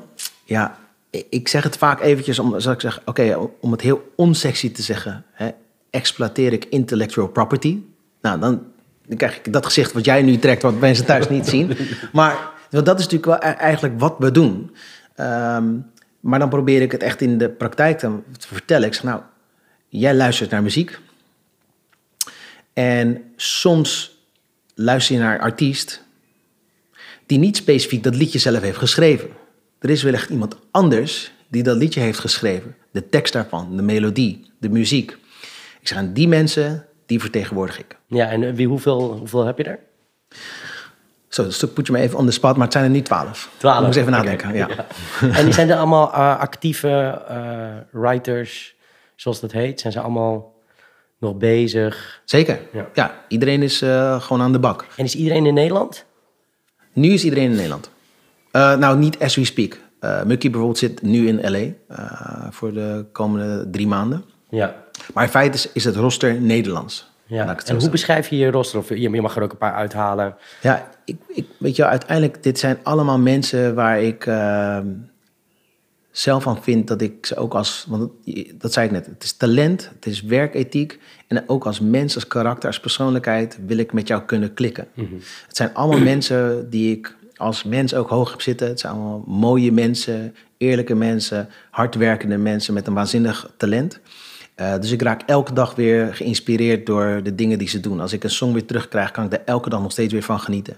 Eh, als ik in een sessie aanwezig ben, het moment, eh, het is moeilijk te beschrijven, want als je dat niet meemaakt, maar er is altijd zo'n moment dat de magic happens. Ja, het is, ik weet niet hoe ik dit moet omschrijven, maar het, dat is zo'n verslavend gevoel.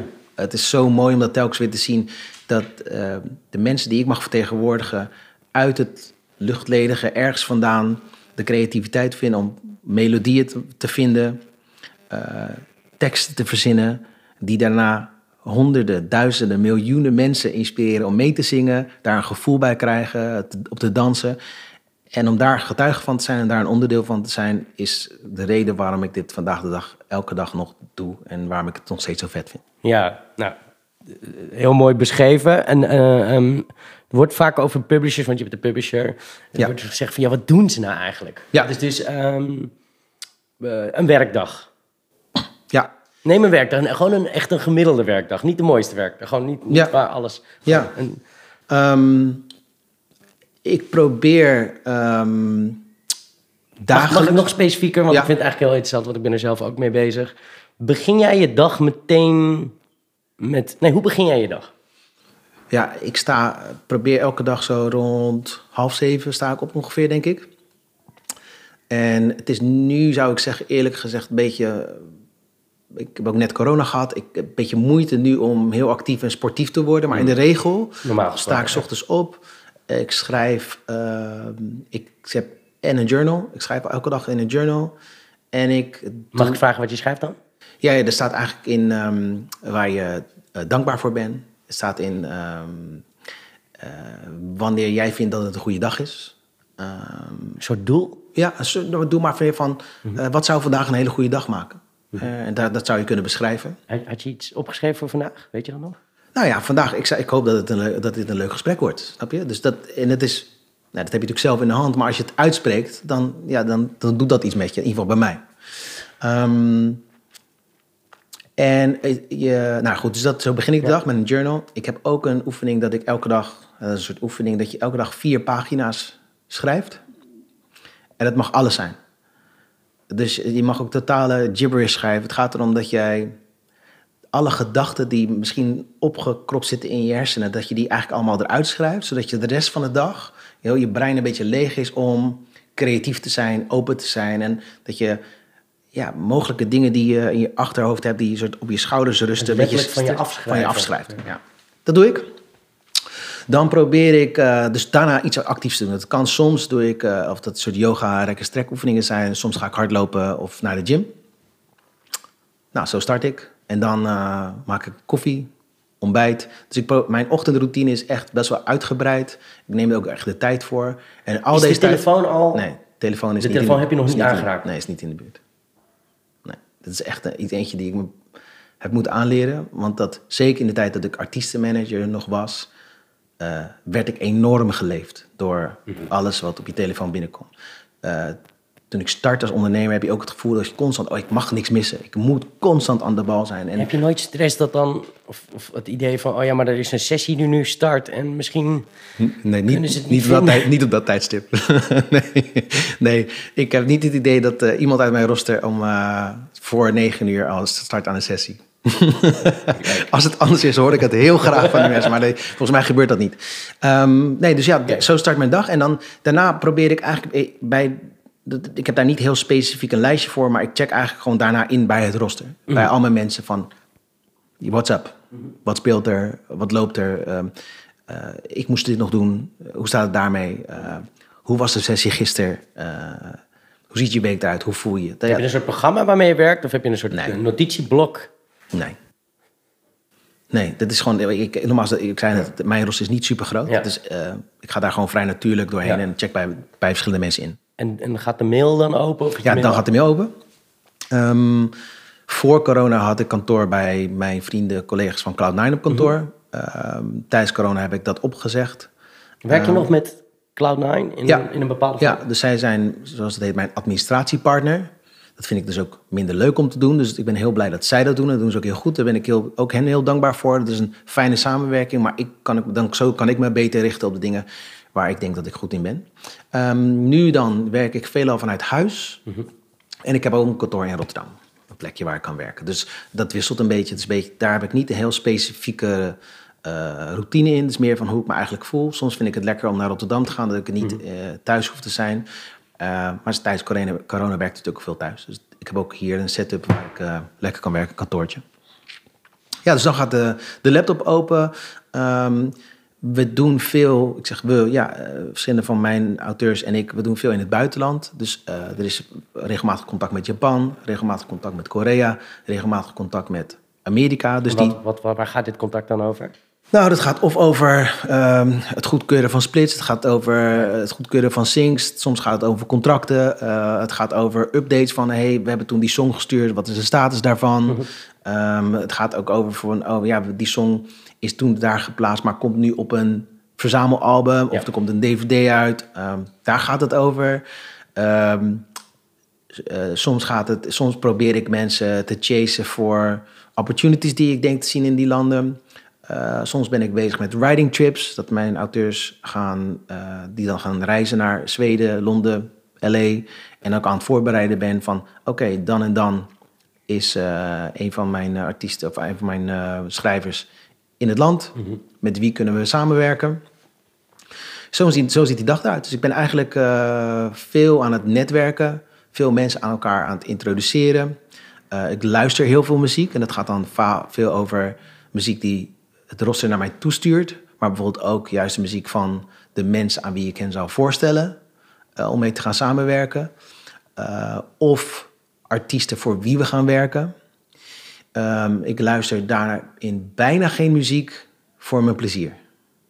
Dit is, dit is puur echt zakelijk luisteren. Van wat speelt er, wie maakt wat en eh, wat zouden we daaraan kunnen toevoegen. Ja. En heb je een eindtijd? Nee, nee, heb ik eigenlijk niet. Maar ik merk dat er organisch is er wel nu een, een veel natuurlijker en gezondere eh, routine ontstaan. Dat ik wel elke dag, ik mag graag koken. Dus voor mij is het van nou, op het moment dat ik ga koken, daarna is de dag wel klaar. Dat, hoe, Eigenlijk. Dat ga jij koken? Nou, het is meestal rond een uurtje of zeven of zo. En als, ik jou, als, als Bobby jou belt, nog even Dan neem ik wel op. acht uur? Neem ik wel Om op. acht uur? Ja, ik neem altijd, dat, dat doe ik wel. Maar ik zit dan niet meer op mijn e-mail bijvoorbeeld. Probeer dat niet meer te doen. Maar als iemand me belt, eh, eh, vaak staat mijn telefoon wel stil. Maar eh, in feite neem ik, zou ik wel opnemen. Nou, dat vind ik fijn. Ja. Dat is wel chill. En van dit allemaal, wat is dan echt het ding waarvan jij denkt, nou, dat vind ik, dat kan ik nog de rest van mijn leven blijven doen. Daar word ik echt gelukkig van. Ja, dat beschreef ik net eerder, denk ik. Ehm, het is heel tof om succes te hebben met songs. Weet je, het is tof als er veel streams zijn of dat er eh, waardering is vanuit de industrie, of dat nou vanuit radio is, of eh, weet je, dat je een bepaalde status krijgt, topsong of wat dan ook. Dat is allemaal heel tof. Ehm, het is ook tof om het bedrijf of, of, ja, daar te zien groeien. Maar hetgene waar ik, waar ik tel- telkens weer mezelf kan opladen om dit te doen, om dit te blijven doen, is gewoon als ik mensen bij elkaar breng die elkaar bijvoorbeeld niet kenden van tevoren, samen een song schrijven of iets maken waarvan zij zeggen: Wauw, dat was super tof om te doen. Dus dat ze ook blij zijn met die introductie. En als ik terug kan horen dat, ja, dat je dat ook terug kunt horen in de song die, die ik vervolgens of toegestuurd krijg, of misschien ben ik erbij. Dat dat gebeurt, weet je, vanuit het niks. Dat je mensen bij elkaar brengt die dan samen iets heel moois maken, iets creëren, kunst. En dat ik daar een rol in kan spelen, dat is de reden waarom, ja, dat, is, dat blijft. En wanneer is het moment? Wanneer is het dan dat, dat, het, dat, je, dat je in de sessie zit, bedoel je? Ja, dat je mag dus- luisteren? Ja, dus soms is het in de demo? Ja, dat zijn die twee momenten. En eigenlijk die, als je erbij bent, is het nog, is het nog mooier. Uh, maar ik kan niet, ja, als je een roster hebt van twaalf mensen die elke dag liedjes maken, ben ik niet elke dag in de sessie. Maar gelukkig ben ik nog steeds heel vaak ook in de studio. Als het gebeurt daar, ja, dat zeg dat is dan, weet je, dat, noemen ze when the magic happens. Er is ineens een moment dat er vallen de dingen op zijn plek. De melodielijn is ineens daar. Of ineens vindt iemand die paar woorden die, die het zo uniek maken dat het catchy is. Of, eh, of de producer of een van de eh, misschien de muzikanten legt ineens dat likje neer dat hij miste. Dat, en dat ontstaat er ineens dat je zegt, dit is hem. Het is zo, gewoon zo fantastisch om te zien en mee te maken. Daarnaast, oké, als ik niet in de, in de ruimte ben, maar ik krijg een bounce opgestuurd. En ik krijg er een enorme lach van op mijn gezicht als ik in de auto bijvoorbeeld aan het luisteren ben. Het is gewoon kicken. Ja, het is super tof. En dan maak ik nog steeds mee. Zeker. El- ik zal niet zeggen elke dag, maar wekelijks. ja. Ja, te gek. Ja, we zijn, we zijn eigenlijk bij nu, zeg maar. Eh, ik denk dat het tijd is voor de bingo. We hebben je gevraagd om een top 100. Nou, ik heb een beetje een soort samen... Hebben een soort, het zijn er 25, dat er weer teruggebracht tot 75. Yep. Ik denk dat daarin alle titels wel genoemd ehm, zijn. Die, ja, het is altijd heel vervelend, want wat is nou... Wat, zijn je, wat is je top 75? Ik zou het- snap, het gaat om mensen met Ja. wie je een relatie hebt, maar het heeft met te maken met succes en met... Maar als, volgens mij is dit wel een goed beeld ehm, van je roster. Ja. Eh, de luisteraar kan dit niet zien, maar er staat op tafel. Het past eigenlijk best mooi binnen jouw interieur, toch? ja, zeker. En eh, toch? Helemaal zwart-wit. Eh, Zwart-wit. Een eh, bingo draaimolen, noem ik het even. Ja, soort Wheel of Fortune. ja, Ik denk het zo, hè? Eh, jij mag draaien, komt een getal uit. En hier heb ik een lijst met jouw titels. En dan is het eigenlijk ook een beetje een soort quiz van... weet jij wel welke Ja. titels je in je catalogus hebt? En als je dan... eh, en, en even qua vorm, ik denk dat we er een stuk of vijf gaan doen. En ehm, dus als ik een titel noem, is, het, is de vraag aan jou... eh, wat is de artiest? En kan je even in het kort iets uitweiden over de auteur die erbij betrokken is... of het verhaal ermee. Maar je mag ook gewoon zeggen... En next. Weet Ja. je wel, gewoon omdat het een albumtrack is waarbij je eigenlijk niet zoveel... Of, of een writer mee misschien. Ik weet het niet. Ja. Oké, draaien. Let's go. Er wordt gedraaid aan de bingo. En het getal is... Mag je opnoemen? 53. 53. Ik heb op mijn lijstje en hier staat probleem. Dat is een probleem. Probleem. Kijk hem lachen. Ja, het is ook... Ik heb even gekeken. Je hebt gewoon zo'n 700... dit is Wel een flinke kanaal. Ja, ja. Zo. Ik ga je helpen. Het is in ieder geval... ehm het is Nederlands, Nederlands. ja, ja. Het is een album, als ik het goed heb. Is het van Fresco? En het is waarschijnlijk... eh, nee. Wauw. Het is Glen Faria.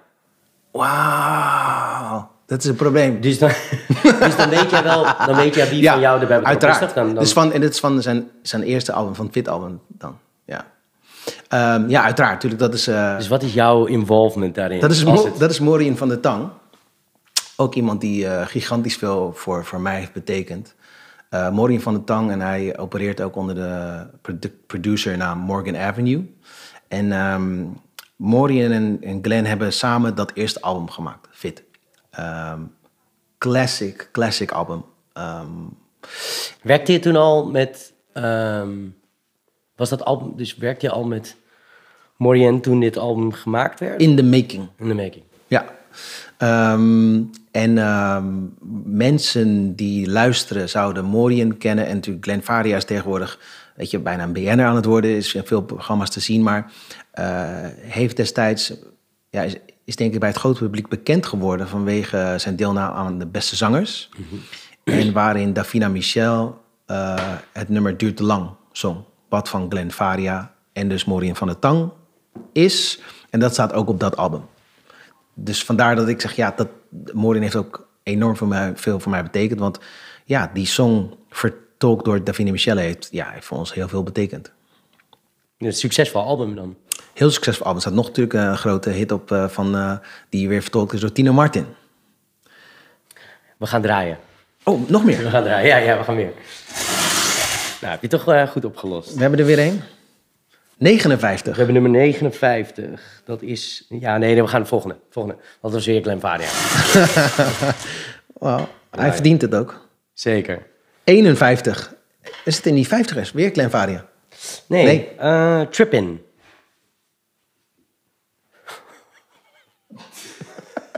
Dit is zo mooi. Het kan... Even kijken hoor. Je hebt hem. Je kan het. Ik denk dezelfde writer. Artiestenproject van een writer. Of in ieder geval iemand die ook writer is, Ja. bedoel ik. Ja. Ik, Het is Giacomo. eh, want ik, ik, ik zat heel erg te twijfelen. Maar dat, ja, als, dan zijn we dus weer bij. Het is, het is één grote Morian, uh, Morian, draai, draai, kom maar. Ik zei al, Morian niet is eh, erg belangrijk geweest voor mijn, eh, voor Ja, mijn bedrijf en mijn ontwikkeling en het roster. Wauw. Hij zou dit ook niet erg vinden, joh. Nee. Maar Het is wel, dat is wel een harde track trouwens, denk ik. Ja. Oké, 73. Dit moet iets anders worden. Dit is iets anders, joh. Nike-slogan. Right. Dat is eh, ehm, eh, Willem. Willem, Willem de Bruin. Maar dan komen we toch weer Ja, bij Morian ja, van dus- der Stang. ja, ja maar, maar volgens mij is dat Willem-album ook wel belangrijk voor Morien geweest en voor... Zeker. En voor Willem. Eh, nou, dan zie je gelijk de impact van Morin. En we zetten hem gelijk even goed in het zonnetje. En dat verdient hij ook enorm. Kijk, ik denk dat de rol van Morin in het album van Glenn, Glenn is, ja, is cruciaal geweest. En datzelfde geldt voor dat album van Willem. Ik denk niet dat Willem dat album had kunnen maken met iemand anders dan Morin van der Tang. En dat Morin niet zulke waanzinnig mooie producties had kunnen maken zonder de verhalen, de energie en het talent van Willem. Eh, en ik denk dat het voor hen beiden een heel bijzonder project is geweest. En als mensen het album niet kennen, dan moeten ze het allemaal gaan luisteren. Top, goeie, draaien. We gaan nog weer wat, eh, wat mooie titels eruit halen. Wat is dit? Nee, nee, 89. dat kan niet. Oké, ik ga het even zo doen. Ik heb hier nog staan. En dan mag jij mij eh, mag jij een beetje toelichten. Want Ja, dan kunnen we ook een beetje langs je roster. Ja, ja. Wat, wat me sowieso opviel is hier eh, Rita Ora. Ja. Ook Morin? Ook Morien, hoe is dat tot stand gekomen? Dat vind ik altijd wel interessant. Ja, uh, nou je noemde net ook al Gia Coca. Mhm. Gia is crazy getalenteerde power chick, songwriter um, en ondernemer ook aan het worden. Ook een publishing company en een record company. Dus, um, en uh, Morien en Gia Coca werken al jarenlang samen. En um, uit dat netwerk hebben zij een song kunnen pitchen naar onder andere Rita Ora. En dat was aanvankelijk gewoon gemaakt als pitch song of als een... Uh, Weet je dat? Uh, Gia was in, en, en haar team waren in contact met de ENR van Gia, van uh, Rita op Rita. dat moment. En dus ja, we hebben daar toen verschillende songs voor gemaakt. En daar zijn dus een aantal cuts uitgekomen. Ja, super vet voor uh, Morien ook en voor iedereen die erbij betrokken is. Um, ja, kijk, ik wilde eigenlijk een beetje zo langs je roster. Mm. Boosty is volgens mij heel belangrijk Ja. voor jou geweest. Ehm, Grote, grote tune. ja, kan je er iets over zeggen voor mensen die dat misschien ook niet kennen? Ken jij Boos, eh, Thomas, ken jij Boosty? Kijk, Ja, maar dat is ook, dat is ook altijd, Ja. dat is ook gelijk, weet je, soms merk je dat je enorm in een bubbel leeft. Dan denk je toch, Ja. iedereen kent dit toch? En dan blijkt van, oh ja, het valt dan toch wel tegen of zo. Ehm, maar Boosty was echt een grote clubbanger, zou ik zeggen. Ehm, het is een song die Mucky aanvankelijk heeft gemaakt met Wiley. En die song heette ook gewoon Boosty, die bestond al. En die song ehm, was denk ik in de UK, in de clubs, best wel een beetje underground, gewoon een tune. En vervolgens eh, was daar ineens een, een, Instagram filmpje dat Idris Elba, de acteur, in zijn auto die tune aan het spelen was. En hij was ook een beetje, hij stapte op een gegeven moment uit zijn auto, was hij op aan het dansen en hij ging daar heel lekker op. Uh, ik weet hier verder niet, ik durf niet exact te zeggen hoe het verder is gegaan, maar ik denk dat het management destijds van Wiley Idris heeft benaderd, zo van, yo, tof, hard, whatever. En uiteindelijk is daar het zover gekomen dat Idris op die track wilde springen, dus om een soort remix daarvan te maken. Nou, maar naast Idris staat dan ook nog Jean-Paul erop en uh, Stef Landan.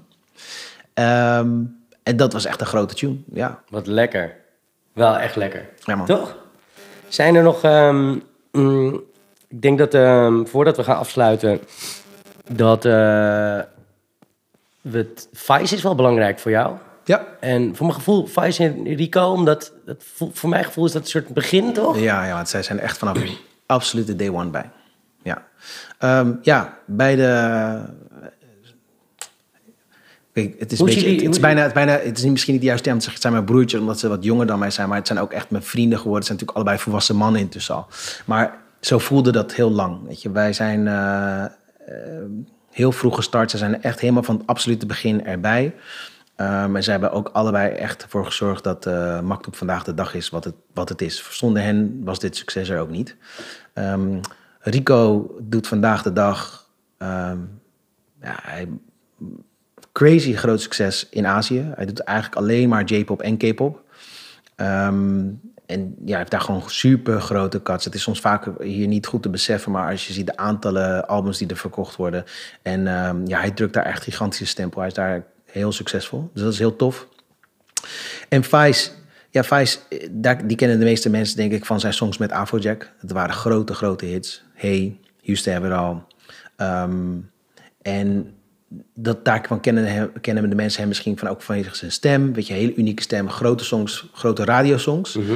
Maar als songwriter is hij ook enorm succesvol geweest. Weet je, we hebben echt grote songs geschreven, ook voor andere mensen. Inclusief in Nederland bijvoorbeeld ook Miss Montreal, maar daar is David Guetta bij, Esther Dean, Louis Fonsi. Weet je, grote, grote songs. Dus. En in die hoedanigheid zijn Vijs en ik over heel de wereld geweest. Um, hij is een briljante songwriter en wat toffe aan hem was, is, dat ik altijd het vertrouwen had dat waar dan ook ter wereld we waren, als ik een sessie voor hem opzette, dan kilde hij het altijd. Er kwam altijd, weet je, altijd toffe, grote popsongs uit. Dus het was heel lekker om samen met hem de, over heel de wereld te reizen naar alle verschillende plekken waar er veel popmuziek gemaakt werd. Zweden, Engeland en voornamelijk LA. En daar konden we gewoon altijd, uh, ja, konden we werken en hebben we grote successen geboekt. Dat was tof. Ja, ja echt heel tof. En uh, hoe, uh, hoe is jullie relatie dan veranderd, wil ik zeggen? Ja, of ontwikkeld? Tu ja, tuurlijk verandert dat. Uh, maar uiteindelijk Ja, dat zei ik net in het begin ook. Hè. Het was, eh, ik zei talent, nou, daar beschikken ze allemaal enorm over. Werkethiek. Ja, hoe krijg je het voor elkaar om vanuit een, een, een guy uit Rotterdam zoveel cuts te hebben in Japan en Korea? Ja.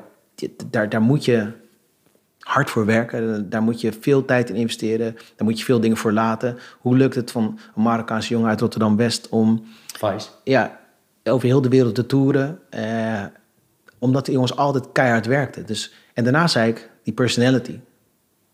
Al, al deze mensen zijn vandaag de dag heel belangrijk voor mij in mijn privéleven. Zij komen hier over de vloer. We vieren het leven samen, snap je? En dat doen we nog steeds. En als we ook niet meer zouden samenwerken, dan zou dat voor mij... eh, het zou jammer zijn, maar dan is daar misschien een reden voor. Wat voor, maakt er niet uit, maar dan zouden ze altijd nog steeds... een enorm belangrijke rol in mijn leven spelen. Hey, eh, en wat zou je nog, wat, wat wil je nog doen de komende tijd? Het is een beetje veranderd. Ehm, ik heb de afgelopen jaren een beetje 50-50 in Nederland in LA gewoond. Eh, mijn vriendin komt ook uit LA. Maar corona heeft, daar- corona heeft daar wel echt een grote switch in gebracht. Ik dacht eigenlijk dat ik in LA wilde gaan wonen. Ehm, en daar eh, mijn bedrijf en mijn carrière verder uit te bouwen. Ehm, ja, nu, heeft het leven heeft het eigenlijk een beetje voor me besloten dat we hier zijn gaan vestigen. En het heeft me ook doen nadenken. Het heeft me ook gedwongen van, oké, maar hoe kunnen we dan toch vanuit hier Ja. Internationale successen blijven boeken? ja. En tijdens corona viel bijvoorbeeld, eh vielen bijvoorbeeld twee singles van de Black Eyed Peas. Beide geproduceerd Sorry, helemaal vergeten. Die zag ik op het lijst Nee, staan. Beide Ja. geproduceerd door Mucky. Dus dat deed me toen ook besef van... Oké, maar zie je, we kunnen dit ook gewoon vanuit hier. Ja.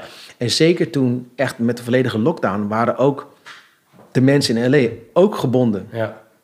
aan hun huis of wat dan ook. Snap je? Dus we konden ook wel gewoon vanuit... eh, Noem het even de zolderkamer met Mhm. elkaar blijven werken. Eh, nu alles weer open gaat... Moet ik een beetje kijken hoe zich dat gaat ontwikkelen. Dus je vroeg me, wat wil je nou nog? Ja, ik, heb, ik droomde eigenlijk altijd van een situatie waarbij ik een plek zou hebben. En ik zeg even plek, maar laat ik het concreet noemen. Een studioruimte in Los Angeles zou hebben en een studioruimte in Rotterdam.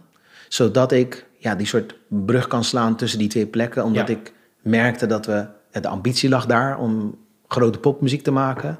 Veel van het netwerk lag daar. Ik heb natuurlijk ook privéverbinding met Los Angeles. Omdat nou, mijn vriendin en schoonfamilie daar woont.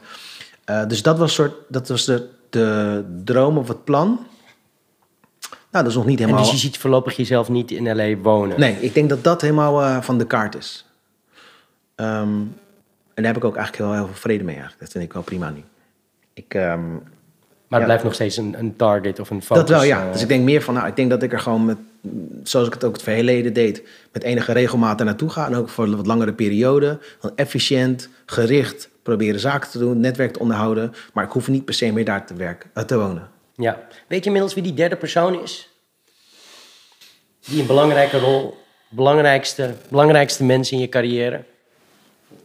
Ja, ik denk dat ik toch ook, ik denk dat ik, Kijk, eh, het, is, het zou oneerlijk Mag zijn. ook Ik- gewoon privé zijn. hè? Ja, nee, ik heb, ik heb bijvoorbeeld Vice genoemd omdat zijn carrière zo bepaald was, omdat het wij samen zo opgingen. Maar eigenlijk moet ik iedereen uit het roster noemen. Het Ja. zou eerlijk zijn om iemand heel specifiek uit te lichten. Maar als tweede zeggen we dan Vice en je roster. roster. zeg maar, al En ik- je artiesten. drie, ik denk dat ik Pieter van Bodegraven moet noemen op deze plek. En dat komt omdat toen ik nog met Giorgio samenwerkte en ik zelf muziek maakte en ik zelf de liedjes inzong toen destijds, de eerste persoon aan, uit de muziekindustrie aan wie ik mijn liedjes liet horen, was Pieter van Bodegraven.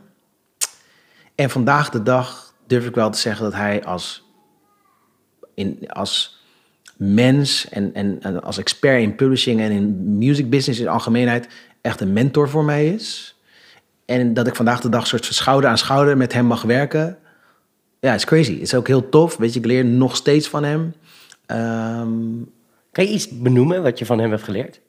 nou ja, sowieso is hij, eh, vind ik gewoon het feit dat hij vandaag de dag nog steeds nieuw talent weet te vinden. Weet je wel, eh, waar dan ook, weet je wel, in, welke stad dan ook, ergens in de Achterwijk of wat dan ook, heeft hij connecties en netwerk en mensen die het hem ook gunnen om, eh, om talent naar hem te brengen of, of, introducties te doen. Dat vind ik heel inspirerend. En altijd dus een open visie te blijven houden, vizier te blijven houden. Ehm, daarnaast is Pieter altijd de eerste die het zijn netwerk zou openmaken, zonder daar direct voor terug te vragen. Van, oh, jij bent nu in Nashville, ik heb een vriend daar, ik stel je voor. Dat probeer ik ook door te voeren. Ik, ik, ik vind dat leuk ook om te doen, ik doe dat heel graag. Ik ben helemaal niet bezitterig over mijn netwerk wat dat betreft, dus dat heb ik van hem geleerd. En ehm, Pieter is ook enorm uh, gespecialiseerd in contracten en in het lezen van contracten. En goed begrijpen van ja, maar wat staat hier nou echt? Wat heeft dat voor gevolgen bijvoorbeeld? Oh, dit is een Amerikaans contract. Dat zit echt anders in elkaar. Dus daar heb ik ook veel van hem geleerd. Dus heel praktisch. Um, ja, ik, ik, ik wil dan Pieter denk ik noemen. Uh, nou, we, we, hebben al afgesproken dat we over twee jaar weer gaan zitten. Dus er komen misschien nog wel mensen bij. Ja. En met wie zou je nog dus ik heb eigenlijk nog twee vragen voordat we gaan afsluiten. Dus, ja, wat zijn je goals dan? Nou, heb je net eigenlijk een beetje benoemd van... Nou, misschien niet zozeer goals. Je hebt eigenlijk meer benoemd wat je nu de komende, de komende tijd... hoe je erin staat. Maar ik ben wel benieuwd wat je goals zijn. En met wie je misschien specifiek nog wil werken. Is dat, is dat iets... Heb je dat? Nee. nee. Wat ik heb heel specifiek... Ik hoop gewoon dat ik telkens... Uh, dat ik de energie blijf houden en... Um, uh, wat ik al zei, dat ik mijn oren open weet te houden om constant weer nieuw talent uh, te ontdekken. Of dat mensen het aan mij willen introduceren. Um, en dat ik, dat ik het mag blijven doen wat ik nu kan doen. Dat is telkens het ontwikkelen van, ik zeg even jong, hoeft niet per se in leeftijd te zijn, maar mensen die misschien nu nog niet helemaal gearriveerd zijn, daar te kunnen brengen en te kunnen faciliteren naar een plek waarbij ze kunnen leven van de muziek. Ja. Uh, ben je eigenlijk ook een mentor voor andere mensen? Ja, ja, trek, trek een gezicht. trekt nu een gezicht. Ja. Een soort van... Ik weet, ik, dat, dat kunnen denk ik alleen maar die, die mensen, denk ik. ik. Volgens mij heb ik niet een hele duidelijke... Werk je met een, heb je een team eigenlijk? Of doe je het gewoon... Ik doe het in feite, dit bedrijf doe ik nog steeds solo. Uh, ik heb, met enige regelmaat heb ik een stagiair bijvoorbeeld. Mhm. ja, dat is natuurlijk al een beetje een soort van mentorrol. Ja. Um, vaak werk ik met jonge mensen, jonge talenten. Uh, ik werk nu, ik heb recentelijk, weet je, ben ik met iemand gaan werken die is net 18 geworden bijvoorbeeld ja, ik besef me, ondanks dat ik me jong voel, maar dat ik, ja, voor hem ben ik, ben ik gewoon een oude vent waarschijnlijk. En ehm, heb ik denk ik wel een soort van mentorrol voor hem, omdat ik hem zo goed mogelijk probeer te begeleiden in zijn keuzes, zijn muzikale keuzes. Ja. Zou je ervoor openstaan? Of, of sta jij, ben jij beschikbaar voor mensen, luisteraars? Let op. Ja, ik denk het wel. Ik denk dus als mensen vragen hebben over ja, altijd. hoe ze tips en tricks. Ja, kunnen ze je altijd bereiken. Jazeker. Het, kijk, het, is, het hoe, gebeurt hoe, dus bereik, hoe bereik je Justin? Nou, je kunt al mijn socials zijn gewoon mijn naam. Is Justin Hendrik. Ja, ik heb trouwens... Oh, trouwens, dat vind ik, wil ik even mee oefenen. Hoe ben je op socials? Ik denk dat ik vroeger... Hoe beschrijf je dat? Ik was vroeger heel actief, denk ik. Het is heel actief. Vroeger was ik actiever. Ja. Vandaag de dag helemaal niet. Um, ik pak even Justin's uh, Instagram erbij. Ja, ik post Zwart-wit? Ja, ik post zeg maar helemaal eigenlijk bijna niks meer. Omdat ik... het, het doet niks voor me, het voegt niks toe. Het leidt eigenlijk bij mij eigenlijk alleen maar af. Ja. Um, dus ik, dus je, maar je doet dat wel via je business? Uh, ja, dus ik gebruik het voornamelijk denk ik nu misschien als netwerktool. Oh, ik, check wel veel mensen uh, in de DM van... hey, uh, voor, voor wat voor reden ook. Hè. Bijvoorbeeld nu, nou, wat ik al net zei, Mucky is nu in L.A. Er zijn mensen die, waar ik dan in contact mee sta... omdat we op Instagram zitten. Ja. zitten. En soms is het makkelijker om iemand een DM'tje te sturen dan een e-mail. Ja. Daar, daar gebruik ik het voor. En daarnaast heb ik een zakelijke account, gewoon makkelijk media. Waar ik eigenlijk alleen maar, dat is een uithangbord voor de releases die we hebben. Ja, uh, maar we leven natuurlijk in een tijdperk waarbij mensen soms 300.000 volgers hebben op ja. welke, eh, weet ik veel, platform. Hmm. Wat vind je, heb je het idee dat dat jouw business kan sturen? Denk je dat je, dat je business beter zou gaan als jij op je Justin Hendrik accounts, persoonlijke accounts, meer volgers zou hebben?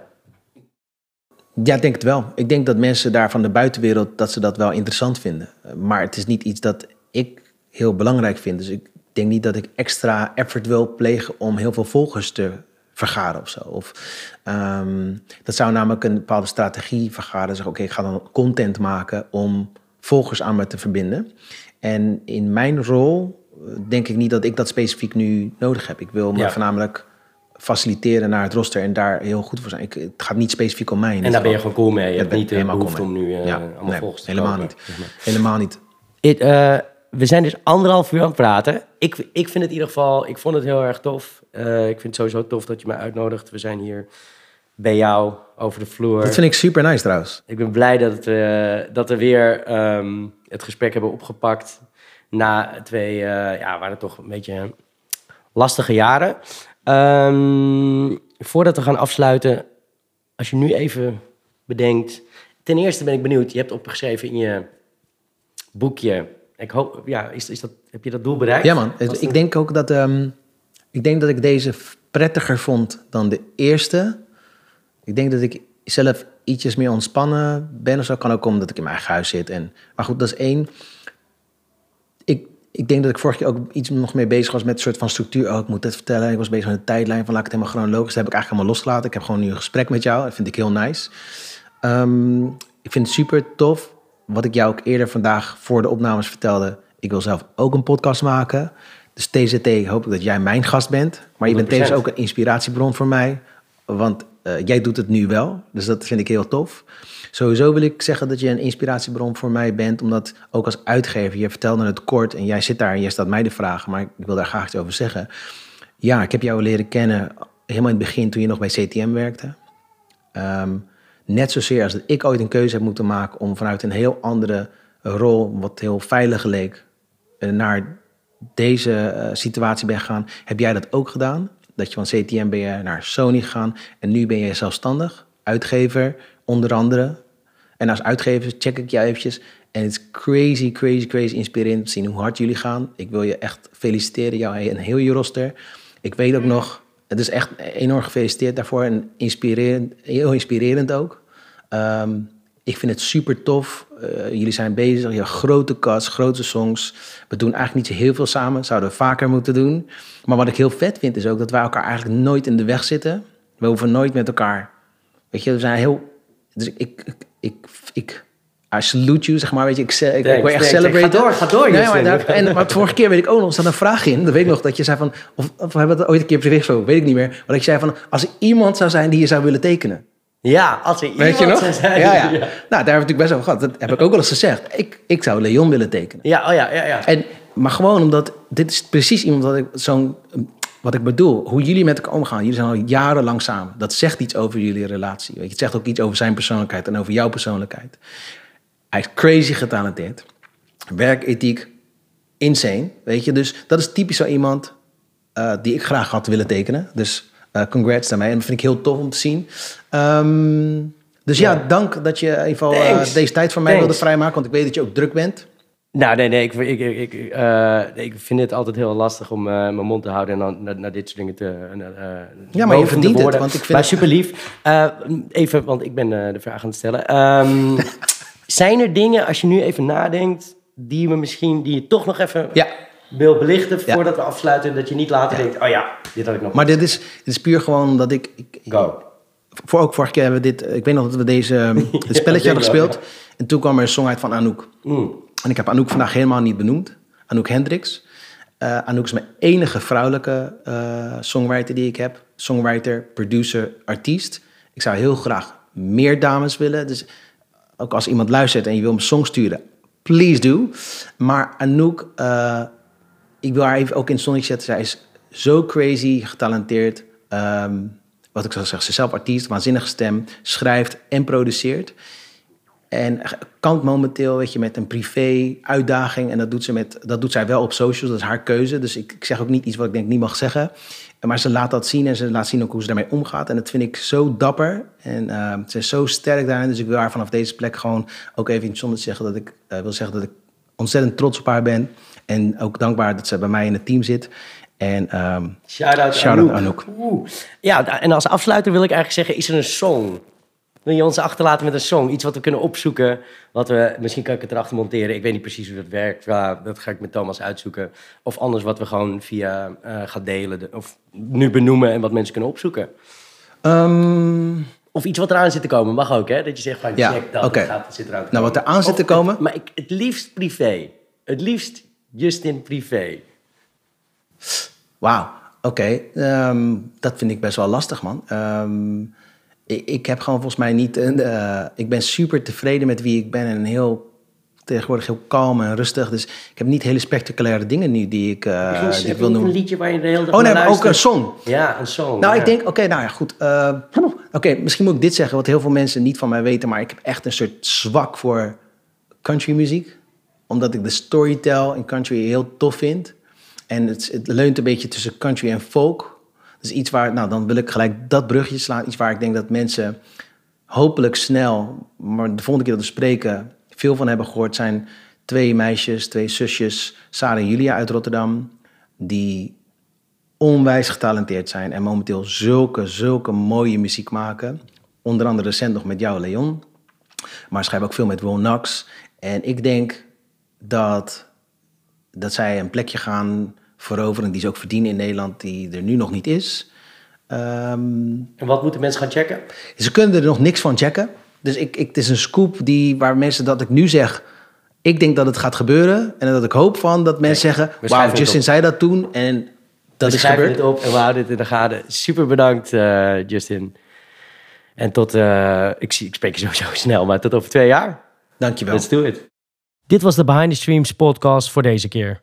Bedankt voor het luisteren en een shout-out naar iedereen die heeft meegewerkt aan deze podcast.